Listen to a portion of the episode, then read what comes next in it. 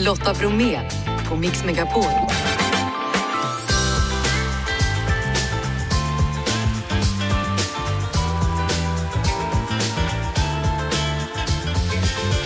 Ja men hej, varmt välkommen hit. Lotta är ledig idag. Jag heter Madeleine Kilman och jag ska få besök av ett helt koppel människor som är bra på olika saker under eftermiddagen. Bland annat killen som vann Robinson häromdagen. Dessutom en kille som är grym på dofter.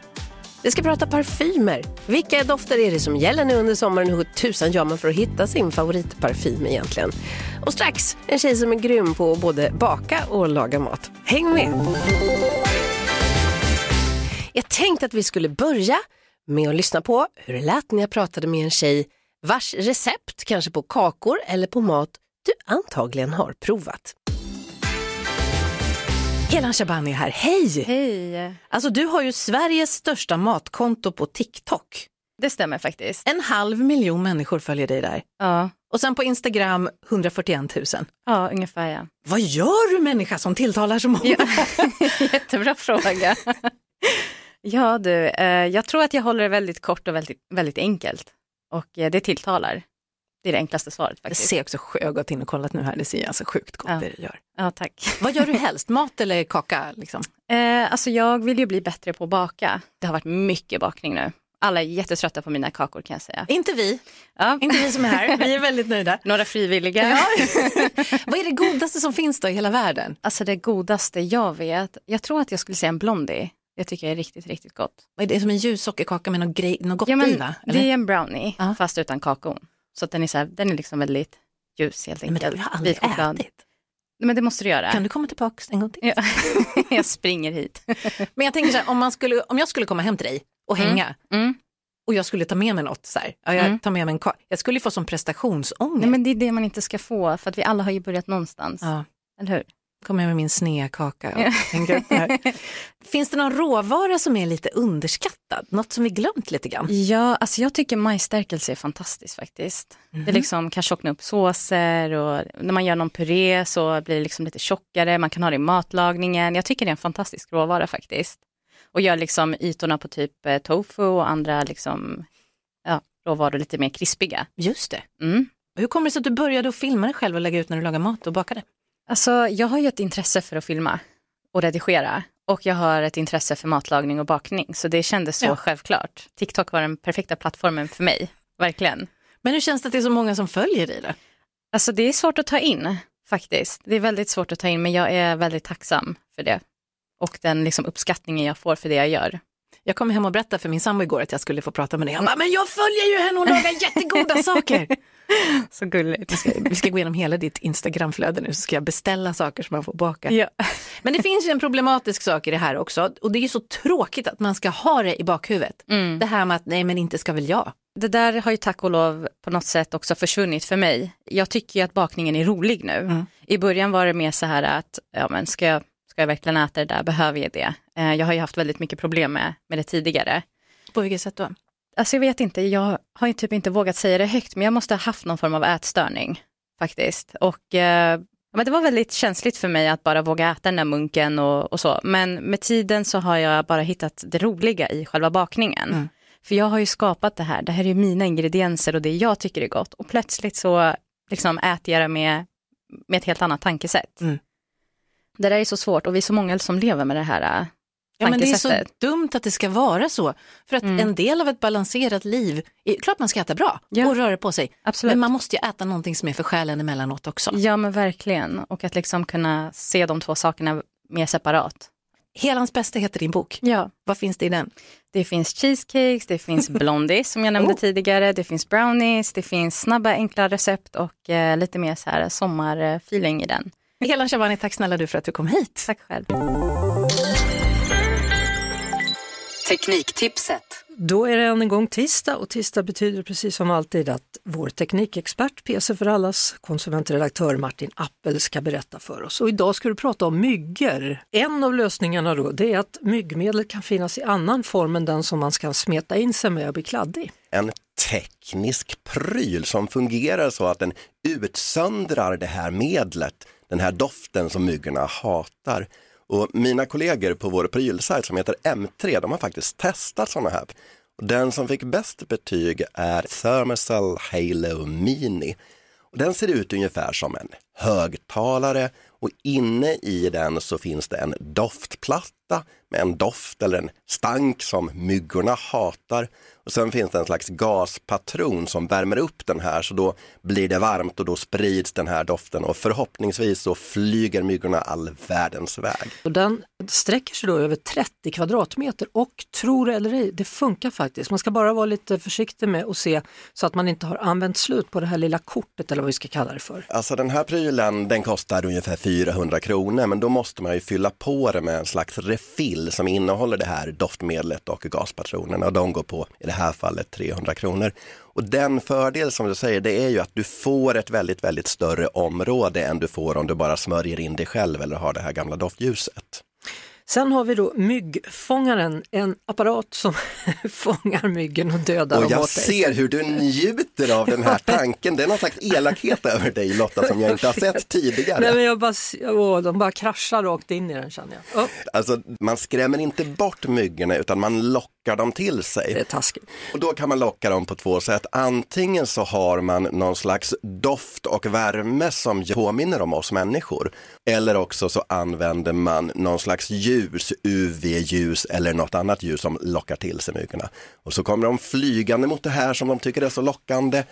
Och pang så dödar man dem med elektricitet eller värme och så dör de dödens död. Och även här har ni då testat och det fanns en produkt som fick bra betyg då i M3s test. Mm, det var en pris som hette Moel AIT myggfångare. Den använder AI-ljus för att locka till sig myggorna och den kostar runt tusenlappen så den fick ett helt okej betyg i det här testet. Och sen finns det också ett tredje då och det handlar om ljud. Man skrämmer bort myggen med ljud. Och det här är den smidigaste och trevligaste lösningen för då tycker myggor väldigt illa om något väldigt, väldigt högt ljud som vi människor inte kan höra.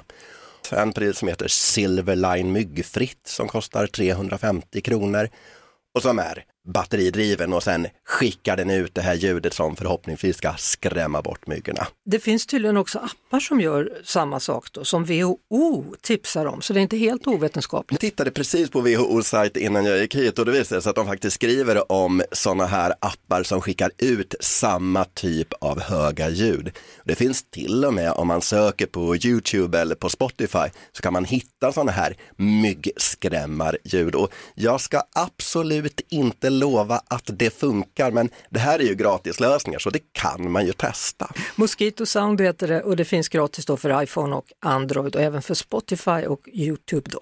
Tack så mycket Martin Appel. Om en vecka ska vi prata om hur vi gör sommarstugan varm. Välkomna till Mix Megapol, Lotta Rammel och Carl-Jan Granqvist. Tack så mycket. Tackar! Ja, nu är det äntligen dags för nu är den på gång, Povel Ramel-statyn. Äntligen på gång. Kan vi säga, som har jobbat med detta. Ja, hur många år har ni väntat? 68, är det så eller? Inte 68 år utan 6 till till 8 åtta år. år. Ja, trodde du någonsin du skulle få se den avtäckas Lotta? Jag har hela tiden tänkt att det här ska gå att få ihop. Och det är så roligt att den avtäcks just under pappas 100-årsjubileum. Han skulle ju ha fyllt 100 år i år. Inte nog med det, det är hans sista dag som 100-åring. För dagen därpå fyller på väl 101. Ja, precis. Det är lite rammelsk. Ja. Och den eh, statyn då som kommer att avtäckas kommer alltså att stå utanför trappan där framför Cirkus på Djurgården. Ja, ett område som kommer bli ännu vackrare. Man ska tydligen ta bort parkeringsplatserna där har jag Precis, man ska göra en liten park där. Så att den står ju väldigt fint statyn. Nu har ju inte vi sett den än. Men när det blir en park och en paviljong framför så blir det en väldigt fin plats för den. Vi har just tittat på bilder när den kom och då hängde Povel i en snara från en lastbil och Ja. sänktes långsamt ner på några nitar som konungen har bekostat och ett fundament. Ja, kungen har varit engagerad i det här. Han ville att det här skulle stå på hans mark. Han gillar ju musik. Ja, och eh, de delade ju ett intresse, nämligen gastronomi. Och det kan man väl säga genomsyrade Povels liv. Ja, han var väldigt matglad och god mat och han var ju jätteengagerad i Gastronomiska akademin. Vem var det som lagade mat hemma hos er? Nej men det var både mamma och pappa, verkligen. Rätt könsfördelning skulle jag säga på den punkten. Ja, för den generationen var väl kanske inte vana att laga mat. Nej, och det var ju lite annorlunda mat. De var liksom lite i framkant vad det gäller matlagning från andra länder och sådär. Och Povel inspireras ju väldigt mycket i sin uh, musicerande om måltid och det finns ju väldigt mycket dryckesvisor, måltidssånger, helt vansinniga. Om purjolök och potatis och is till punchen. Ja visst, det finns ju en hel katalog med bara mat och dryckesvisor. Kommer ihåg en gång på Grythyttans gärsebagård när Povel var där och vi skulle göra en galen afton med någon fantastisk dragspelare från Dalarna. Och uh, vi hade så kul och vi åt och vi drack och vi hade ännu roligare. Och då sitter det några engelsmän i samma källare och då kom den här engelsmannen fram och sa till Povel, ni är ju helt professionell. Det tyckte Povel var väldigt roligt. ja. Han var helt professionell. Det var fint sagt. Ja, det var fint. De som inte kan få se den live, berätta, hur har ni tänkt? Eller vem är det som har tänkt hur statyn ska se ut Lotta? Konstnär är ju Lasse Åberg och han har ju fått fria händer. Men det har varit mycket noggrant genomtänkt så att man har gjort studier på påvens kläder och de har Ja. plockats fram. Och hela färgsättningen, den är ju färgsatt till viss del. Till viss del och eh, min son Jim Ramel Källgren har ju varit väldigt noga med avstånd till manschettknappar och hur längden och strumporna och längden på byxor och så. Var på väl det? Noga ja, med sånt, han var noga med sånt och min son är lika noga som pappa var. Och det är lite Jim som har liksom varit chef av ja, mått, måtten kan man säga. Ja. Ja. Det låter som det är du Carl-Jan, du är också väldigt noga med avstånd och sånt. Eh, Inte till dig. Nej men, men till bestick och sånt, Ja. till dukning och kläder såklart. Nej, men det var en väldigt rolig process Mm. därför att den var tänkt att vara på en annan plats och den var tänkt att gestaltas med ett instrument. Och så småningom så tycker vi att det här blir mycket bättre. Därför Povel var ju så engagerad och hade sitt hjärta på Djurgården och sedan fanns man på tingeltangel och det gjordes musik och mat i kombination. Vad kunde vara bättre än att resa en hel figur av Povel framför cirkus? Ja, så har han ju gjort flera produktioner på Cirkus och även Djurgårdsbrunns värdshus. Så han är ju verkligen förknippad, för oss i alla fall och säkert flera andra, med Djurgården. Och det kommer att bli faktiskt en liten tingeltangelmeny på Hasselbacken imorgon. Tydligen från 1987 då, menyn vanliga palsternackor för gottegrisar, en bok som han skrev tillsammans då med Hasse Alfredsson. De gjorde en almanacka. Ja, Almanacka för gastronomiska Mm, akademin. Där. Hur, hur var det att sitta i akademin med de två tillsammans? Det måste ju varit full fart. Ja, det var det verkligen. Och de äggade upp varann kan man säga. Och Hasse var med in i slutet på Povels liv. Verkligen. Han var nästan där näst sista dagen som Povel var i liv. Så de hade en väldigt tät relation. Carl, du ska hålla tal imorgon i samband med avteckningen då klockan 16. Det ska avtäckas av barnen, Ramel förstås. Såklart. Och sen kommer vi att säga några ord naturligtvis om Povel. Och på Rammelsällskapets ordförande Anders Eldeman kommer prata också. Mm. Apropå det då Lotta Ramel, innan eh, jag låter det gå här, Karamell och diktstipendiet ska ju delas ut i Ja. år igen, på söndag faktiskt. Ja, 4 juni klockan 15 hos Lasse i parken på Södermalm i Stockholm. Alla är välkomna. Antingen imorgon då framför Cirkus klockan 16 då avtäcks på Ramel-statyn och Karamell och diktstipendiet delas alltså ut på Lasse i parken som ligger på Södermalm klockan 15 på söndag. Lotta Bromé på Mix Megapol. Och i förrgår sändes sista avsnittet av årets Robinson. Och vinnaren blev Oskar Hammarstedt som nu är här i studion hos mig. Hej! Hej! Du vann! Ja, helt otroligt. Stort grattis! Tack så mycket. Vilken var den första tanken i huvudet när du fattade att du hade vunnit? Eh, Det här är rätt så magiskt. Hur är det ens möjligt? Jag fattar inte ens hur man kan vara på den där ön så länge utan att bli tokig av hunger. Ja, jo, men det blev man. Men eh, så fick man finna sig i att alla gick runt och var tokiga av hunger. Hur kommer det sig att du ville vara med?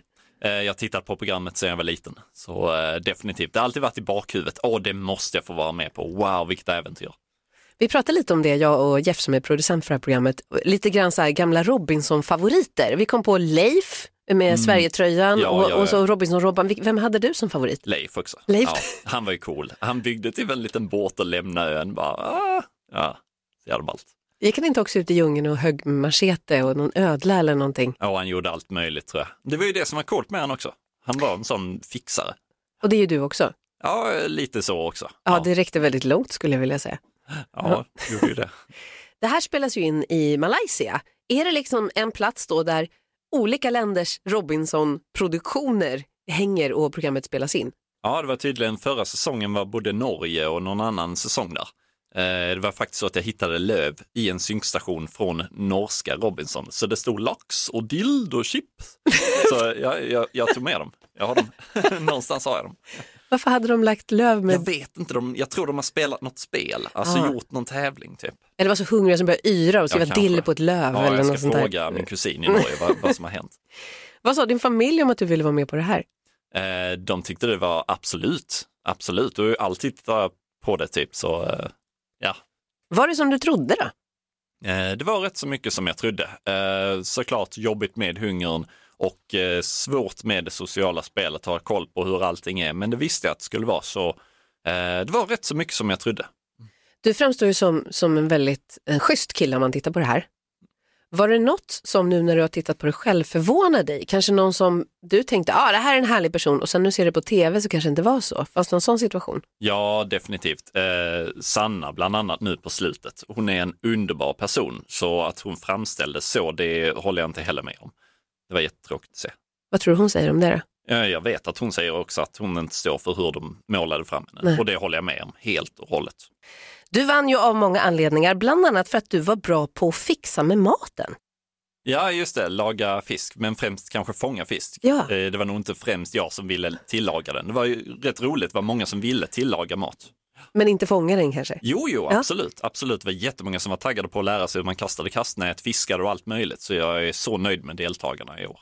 Men hur har du lärt dig allting som du kan? Det har jag hållit på med sedan barnsben egentligen, eh, mer eller mindre. Jag håller ju på också på eh, Youtube, fiskar och kampar i kombination och lägger ut äventyren. Eh, så ja, men det är som en hobby. Känner du att du fått blodad tand för tv? Vill du göra mer? Jag vet inte om det finns något liknande, ja, men eh, Robinson är ju verkligen det jag tittar på främst på tv. Jag tänker att det skulle kunna funka. Alltså något så här äventyrsprogram med dig, att du lär folk saker. Mm, mycket möjligt. Så eh, det kanske kommer. Ja. Oj, nu ser du jättelurigt. Ja, just det. Det var ju en bra idé. Ja, eller hur? Ja. Men känns det inte som att det är lite som en, en, en trend då, att man ska lära sig, kanske klara sig själv lite mer än tidigare? Mm, det är faktiskt rätt trendigt, det är det. En prepper-trend. Ja men typ, det är verkligen det. Eh, Jag är inte prepper själv, men jag följer många på Instagram som är det och får supermycket tips hela tiden om hur man ska göra olika grejer. Eh, Så det är väl lite en, en mini-hobby av min. Om det är någonting som vi borde kunna, vad är det då? Eh, Gör upp eld med pinnar är ju användbart, men, Ja, men vi, har ju, vi, har ju det. tändare, vi har ju tändare och tändstickor oftast. Men skulle det komma en situation där man inte har det så går det att göra eld så. Men det finns ju så många sätt att göra det som är lite lättare. Glasögon, fast då måste det vara sol ute. Ja. Så. Ja. Nej, men pinnar är rätt så bra. Det är reliable. Ifall man kan det så är det lätt. När man inte kan det så är det svårt. Ja, exakt, jag tänker jag skulle sitta och gnugga med pinnar, det skulle inte hända någonting kanske. Mm. Men när man väl lär sig att kontrollera de typ tio olika grejerna och de är i balans, lagom hårt, lagom tryck, lagom hastighet, boom, då har man glöd. Hur länge var ni på den där ön? Eh, vad är det, 42 dagar tror jag. Hur är det att bara tvätta sig i saltvatten i 42 dagar? Eh, jag mådde extremt bra. Eh, jag faktiskt eh, tyckte det var jättenice. Typ man tog sand och skrubbade under armhålor och allt möjligt så blev man liksom rätt så ren faktiskt. Kändes det som. Alltså produktion, produktionen sa annorlunda. Det stinker. Men, eh, och det kände jag ju också när det var det där sista örådet, hur alla doftade så jäkla gott. Och man bara, oh, jag stinker nog. Ja, de hade varit liksom på hotellet och fixat sig lite. Jag, Langkawi heter den här ön va? Mm, precis. Jag kollade lite på en karta för att se hur det ser ut och då är det ju nästan så här, halva ön så är det ju ingenting. Och sen halva så är det ju, det finns ju hotell och restauranger och sådär också. Hur långt bort, alltså mil, milmässigt var ni från närmsta civilisation så att säga? Mm, det vet jag inte, kanske en halvtimme med båt, fast det beror ju på hur snabb båten är. Men det var, det var en bra bit. Vi kan lätt inte gå till civilisationen. Liksom. Och dessutom fick vi inte gå långt in i djungeln. Det, vi kommer bara gå vilse och de kommer inte hitta oss. Det sa de. Så. Det är en tråkig avslutning på programmet. Alltså om någon försvinner ut i djungeln. Ja, precis. Det skulle vara lite tråkigt. Jättetrevligt. Också tråkigt om någon sticker iväg och tigger varmkorv någonstans ifrån. Ja, usch. Staty, du har faktiskt med dig statyn här. Jajamän, det har jag. Va, nu måste vi berätta hur den ser ut. Det är en eh, liksom, en liten stubbe i botten och sen Ja. är det en, en pinne, en sten och lite snäckor som är ihopknutna. Stenen tror jag är någon korall. Korall, ja, ja, Eller korallsten i alla fall. Hur länge sedan är det du vann egentligen alltså? Eh, det var ju i augusti förra året typ. Har du haft den där statyn hemma sedan dess? Ja, gömd i ett skåp så ifall någon skulle komma hem. Vad är det som står där? Exakt. Det är det jobbigaste med att vinna faktiskt, att man måste hålla det hemligt så länge. Fick du, men någon fick du väl berätta det för eller? Ja, familjen och två bröder och en kompis. Ja. Och de lyckas hålla det hemligt också? Ja, inga problem. Och en halv miljon kronor, Mm. vad ska du göra med dem? Eh, Det blir eh, kamerautrustning, fiskeutrustning, eh, förmodligen äventyr till min YouTube-kanal, Autor Oscar. Eh, Det blir att investera så att säga i den, i mina äventyr, göra bättre produktioner helt enkelt. Förhoppningsvis ska jag göra det. När man är med i Robinson så filmas det ju otroligt mycket. Mm. Men det är inte mycket som kommer med egentligen i slutändan. Mm. Var det någonting som du var rädd skulle komma med? Det tror jag inte egentligen. Ehm, inte särskilt. Eh, jag bara visste att allting filmas så det kommer ju komma med saker man säkert inte riktigt liksom står bakom eller så, men det är det, är det man ger sig in på. Om inte du hade vunnit, vem skulle ha vunnit då, tycker du? Oh, bra fråga. Egentligen Amanda kanske. Hon var ju jättenära nu. Eh, skulle mycket väl lika gärna kunna varit hon. Eh, och annars Sanna eller eh, det finns många egentligen. Typ halva gänget tyckte jag var superduktiga Robinson. Liksom. Så det är jättesvårt att säga. Du? I början av programmet så sa du att du hade inte så jättebra självkänsla. Mhm. Hur har det blivit med det? Nej, men det är väl lite bättre. Nu vet jag ju faktiskt att ah, jag kan och sådär. Men eh, sure, jag är väl fortfarande ungefär samma person. Ehm, men jag har väl bättre kä- självkänsla, det kan jag väl hålla med. Du, stort grattis till vinsten i Robinson, Oskar Hammarstedt och tack snälla för att du kom till Mix Megapol. Ja, tack för att jag fick vara här. Du lyssnar på Lotta Bromé på Mix Megapol. Och nu i helgen så var det jättestor loppis i Göteborg. Majornas megaloppis. Förra året kom det ungefär 50 000 personer. I söndags 70 000. Marcus Sverlander är projektledare för Majornas megaloppis. Hade ni gissat att det skulle komma så där mycket folk? Eh, ja, alltså vi hade föraningar. Vi har ju kört det här nu några år och eh, det brukar vara väldigt populärt. Det är ju en väldigt folkligt eh, arrangemang där alla är välkomna och det är gratis så det bjuder in till att många kommer. Var det någonting som stack ut bland objekten som var till salu? Jag vet inte om alla känner till Majorna, men i Majorna så finns det en korvkiosk och en väldigt så klassisk symbol för Majorna. Och då var det en man som hade tillverkat egna små korvkiosker som han hade byggt i trä och lagt jättemycket tid på och byggt i flera månader. Och de ställde han sig utanför korvkiosken och sålde. Så det tyckte jag var väldigt roligt. Det låter jättefint. Som att, var det någon Ja. liten gubbe i den lilla, lilla, lilla korvkiosken också? Och små, små, små korvar? Ja, han hade faktiskt satt in belysning, så den var jättegullig. Ehm, så de, och då, det sålde han flera stycken av, så det, det var en rolig grej. Men hur gick det för dig då? Fyndade du någonting? Jag köpte faktiskt en cykel, gjorde jag. Eh, och den var väl varken... Det var inte, den var inte billig och den var inte dyr heller. Det var väl mitt emellan. Men den var så jäkla cool. Det var liksom en sån här gammal limpsadelcykel fanns på 70-80-talet. Ja, och sån hade jag ju när jag var liten så jag blev väldigt eh, nostalgisk när jag såg den. Så jag bara, äh, det var liksom instant buy på den. Som ville jag ha på 80-talet men då sa alla så här, Ja. nej det är en killcykel. Nej, Nej men det är så det- dumt. Nej. Du får skaffa en nu Ja. jag ska göra det bara därför. Ja, absolut. Hur tänker ni inför, inför nästa år? Liksom, är det sexsiffrigt ni hoppas på då eller? Eh, det hade varit jättekul. Vi tror ju att det kommer växa ännu mer. Det har ju växt för varje år och eh, folk är ju väldigt duktiga på att prata med sina vänner sen som kanske inte var där. Så det här brukar sprida sig och så tar de med sig kanske vännerna nästa gång som inte var här nu. Så det, det, har ökat för varje år så vi tror absolut det är möjligt att, att, att det kommer så många. Jag samlar ju på eh, 50, 40 och 50-tals keramikvaser från Uppsala Ekeby. De kan man fynda på Ja. loppis. Samlar du på någonting som, som du har hittat sådär? Ja, alltså jag är ganska nördig när det kommer till eh, mina egna intresseområden. Jag har ju framförallt nördat gamla tv-spel och leksaker och actionfigurer just från den perioden när jag växte upp på 80-talet. Eh, Så sånt är jag, blir jag ju alltid väldigt... eh, Pulsen går upp när jag eh, ser någonting sånt. Och då gäller det att vara snabbt framme för annars kommer ju någon annan hand där och bara kniper det framför en. Liksom. Det har jag varit med om många gånger också. Har du slagit? ja, jag har väl varit, jag har väl varit knutit näven i fickan kanske. Bara, nej, varför fick han den nu? Liksom, så här. Marcus Sverlander, projektledare för Majornas megaloppis. Tack snälla för att jag fick ringa till dig här i Mix Megapol. Lotta Bromé och den perfekta mixen på Mix Megapol. Jag har fått besök av Dennis Vasilje som är doftexpert på skönhetssajten Gents. Hej, välkommen! Hej, tack Va- så mycket. Vad kul att få prata parfym med någon som kan känner jag. Vad är det som är så kul med parfymer? Parfymer är allt, parfymer är livet. Det är livets doft. Det är de starkaste minnena kan man förknippa med parfym. Du kan känna en doft idag och helt plötsligt är det något som hände för 40 år sedan. Så var det med ett prov jag fick av dig nu, för jag började tänka på min farmor och hur det luktade i hennes skåp där hon förvarade, ett gammalt träskåp där hon förvarade sina penslar och terpentin som hon målade med, eller använde för att ta bort färg snarare. Och det är kära minnen, är det inte? Ja, verkligen så. Jag blev jätteglad. Du, varför är det så att samma parfym luktar olika på olika personer? Ja, varför är ju väldigt invecklat, men jag kan ju ta ett exempel där eh, jag och min fru provar samma doft och den doftar väldigt annorlunda på oss. Och det är beroende på hudtyp, pH-värde, vad man har ätit, eh, ja många faktorer. Eh, Hormonellt är det rätt så hormonellt faktiskt. Vi tjejer har ju inga svängningar i det, det vet du ju. Inte alls. Nej, det har vi ju verkligen inte. Vad är trendigt nu då? Vad är det för liksom, eh, noter som det heter? Vad är det som är trendigt? Ja, noter, på tal om noter för lyssnarna här, det är ju ingredienserna i doften. Så det vill säga citron, vanilj, olika träslag, allt det är noter. Doften är ju uppbyggd som en pyramid och då har du toppnoterna och oftast det man känner eh, från det att man sprayar fram till en kvart, det är toppen på doften, toppnoterna. Sen kommer man in i hjärtat och i hjärtat lägger man oftast kryddor, blommor, Eh, Och i toppen glömde jag säga, det är ofta citrus eller nästan alltid uteslutningsvis citrusfrukter. Varför det?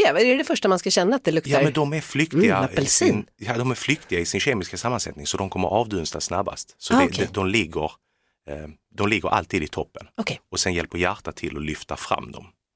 Och sen kommer du till basen efter en timme ungefär. Och det är det du kan känna då i ja, allt från 6 till 24 timmar egentligen. Och då tunga träslag, vanilj bland annat. Och nu då? Det är sommaren 2023 snart. Är det liksom någon grej som trendar? 2023, vi har någonting som kallas för gourmand. Det är en trend och det är ju ätbara doftnoter. Vad då? Till exempel hallon? Hallon, vanilj, lakrits, choklad. Men la- vill man lukta lakrits? Ja, för det är ju i kompositionen, det är det som är det mest fantastiska. Det är inte bara en eh, singulär not utan det är ju ett fyrverkeri som är samspelt. En hel godispåse kan man säga. En hel godispåse. Du har vaniljen lyfter fram bergamotten och du har fräschheten blandat med vanilj. Eh, underbart, det, det är konst, det är verkligen konst. Var ska man ha parfymen någonstans? Parfymer applicerar, ja det beror på tillfället vad man ska göra. Jag brukar själv spraya eh, på halsen eh, och det reglerar man också då beroende på tillfälle. Ska man till exempel gå på bio så kanske inte du vill kväva den som sitter bredvid dig. Nej, det är inte trevligt. Nej, då, då är tipset att man tar ett spray innanför sin tröja på bröstet. Ja, för då känner du doften själv under hela filmupplevelsen men inte nödvändigtvis personen som sitter bredvid dig. Men om man då skulle krama någon, då kommer en puff av det här goda. Liten, Ja. liten puff. Lagom. Ja. Jag undrar hur man nu ska lyckas hitta en ny favoritparfym, för jag är på jakt efter en sån och då går jag in på ett stort varuhus där det finns parfymer och sen så är det snälla tjejer eller killar som hjälper mig. Men man kan ju inte stå där en hel vecka. Det känns som att det är det som skulle behövas om jag ska plöja mig igenom alla de här. Jag säger att man ska i alla fall eh, provspraya den på huden. Men hur länge kan jag stå där då innan, du, för du jobbar ju i en butik där man kan, gissar jag då, få dofta på olika parfymer. Precis. Hur många får man dofta på innan du känner att nu får du gå hem, lilla vän, nu är du jobbig? Ja, jag kan ju säga jag har ju haft kunder som har suttit där inne både tre och fyra timmar Nej. ibland. Ja, Men har de hittat den de liksom längtade efter då? Den, det den. hoppas jag Ja, verkligen att de har gjort. Annars kommer de tillbaka dagen efter. De är varmt välkomna dagen efter också. Du har med dig jättemycket parfymer här. eh, vill du berätta någonting? Ja, vi har ju en rolig här. Vi ska spraya. Och nu, nu sprayade du på, på papperslappen och sen viftade du hysteriskt med den. Ska man göra så? Ja, lufta den lite. Lufta den, okej. Mhm. Och nu ska jag få en lapp här och så ska vi se. Vad är det för någonting vi har här? Där Då? har du någonting som heter Scepter från eh, ett dofthus som heter Thamin. Det här känns jättedyrt, är det det? Relativt, Ja, vad kostar den där flaskan? då? 2700 Det- drygt. Ja, 2700 kronor. Men hur kan det vara så dyrt? Ja, och det är också en grej. Om du spolar tillbaka tiden 20 år så minns jag att det var otänkbart att betala 1000 kronor för en parfym eller 1500. Det var en smärtgräns. Nu har den smärtgränsen flyttats fram och folk köper kvalitet. Folk vill ha de här nischade dofterna som ofta kostar lite mer än, än vanliga eh, designerdofter som eh, hittas på flygplatser och så. Och det som gör att de är nisch det är ju bland annat eh, tillgängligheten och eh, produktionsvolymerna. De tillverkas i lägre eh, volymer. Men tillverkas de på något annat sätt då än de här lite billigare? Eller liksom de står och gnuggar en liten blomma mot? Eller Hur gör de? De satsar ju väldigt mycket på råvaror. Så Ja. de använder ju oftast de finaste råvarorna. Ah, jag fattar. Och det är det som kostar i, i doften. Hur många parfymer ska man ha hemma då tycker du? För att har man såna här då blir det inte många tänker jag. Med det här priset. Ja, är man doftsamlare och doftnörd då blir det en del flaskor. Okej. Man, eh, man brukar prata om doftgarderob.